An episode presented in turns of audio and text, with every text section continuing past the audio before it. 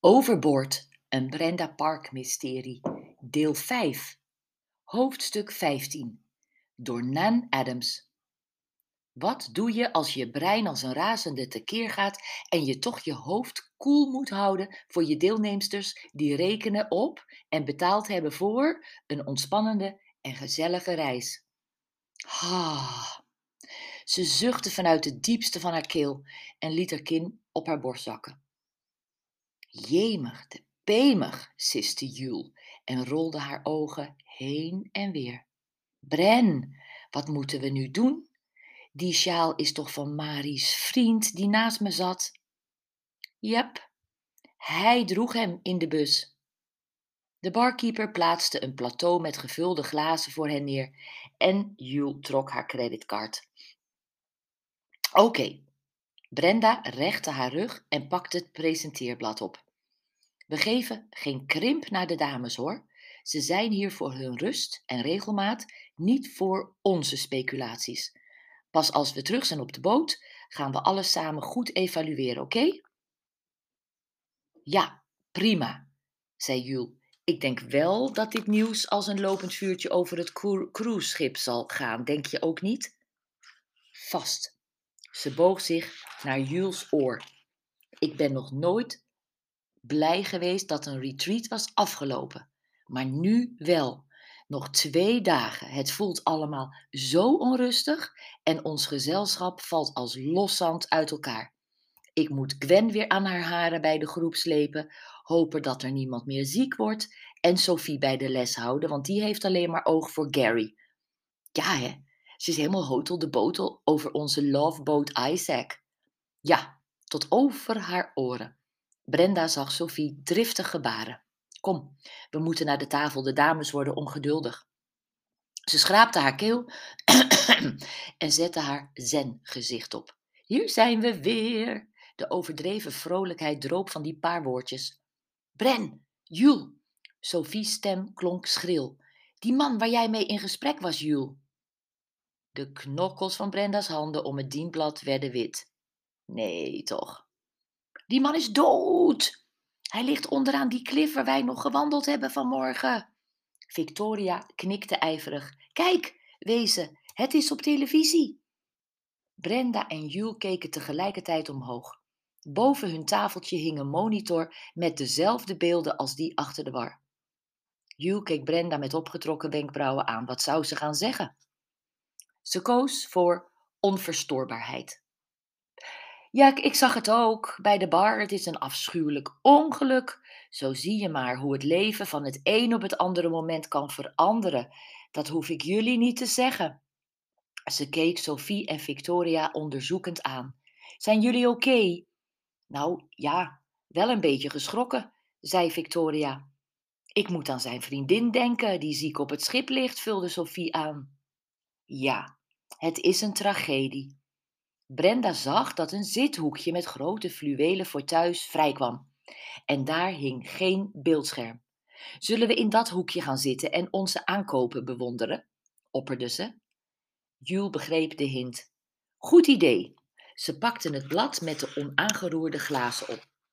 Maar Sophie trapte niet in de poging om het gespreksonderwerp te veranderen. Ze dribbelde achter Jules aan. Gaat je detective brein hier niet van aanstaan, Jules? hoorde Brenda haar vragen. Potverdorie.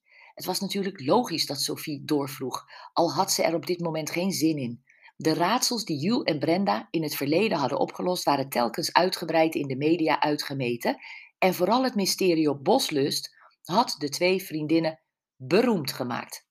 Brenda had het daardoor in haar werk als lifestyle coach alleen maar drukker gekregen. Iedereen wilde het naadje van de kous weten van dat ingewikkelde enigma. Zullen we het er later over hebben, Sophie? stelde ze met zachte stem voor. Als we wat meer weten over de toedracht van de onfortuinlijke dood van deze man. Oh, oké, ik snap je. Sophie stak eigenwijs haar neus in de lucht. We moeten ons voeden met lichtere dingen en niet met donkere dingen. Precies. Brenda haalde opgelucht adem. We hebben het er nog wel over, maar liever niet nu. Ik wil ook Victoria niet van slag brengen. Ze is juist zo aan het genieten. Toen Jules de handgebreide sokken voor haar man showde en uitweidde over de grote maat van Andy's voeten en de conclusies die hij daaruit trok, zoals onverbiddelijk op te grote voet leven, was de kou een beetje uit de lucht. Brenda grinnikte met de andere vrouwen mee. Ze kende Andy bijna net zo lang als Jules hem kende. Ze was de eerste die hem had mogen keuren. Andy was de koning van de iets wat tactloze en soms dubbelzinnige opmerkingen.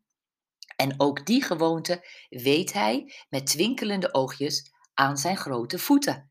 Zijn bijna niet te vertalen foot-in-the-mouth disease, wat zoiets betekende als onbeschaamde opmerkingen aandoening, werd volgens Andy veroorzaakt door de uitzonderlijke grote afmeting van zijn voeten.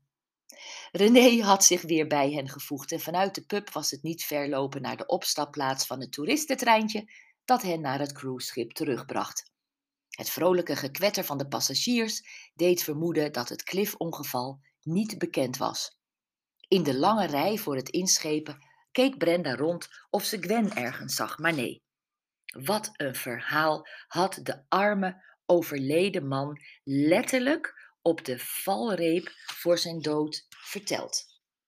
Gwens man was niet verliefd geworden op een andere vrouw, maar op een man. Op het schip togen de dames direct naar hun hutten.